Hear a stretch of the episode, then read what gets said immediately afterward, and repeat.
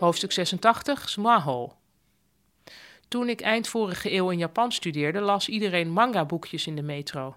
Nu zijn alle Japanners, net zoals wij, vergroeid met hun telefoon. Die noemen ze een sumaho, een verjapanse afkorting van smartphone. Ook in Japan wordt geklaagd over jongeren die geen brieven meer schrijven en alleen maar met elkaar appen. WhatsApp wordt in Japan niet gebruikt. De favoriete chat-app heet Line. Voor een westerling een verwarrend medium, want bij bijna elk bericht wordt door de afzender een sticker geplakt van bijvoorbeeld een konijn dat hartjes in de lucht gooit of een bak noedelsoep met een stropdas om. Maar hoe app of line je eigenlijk met al die duizenden kanji?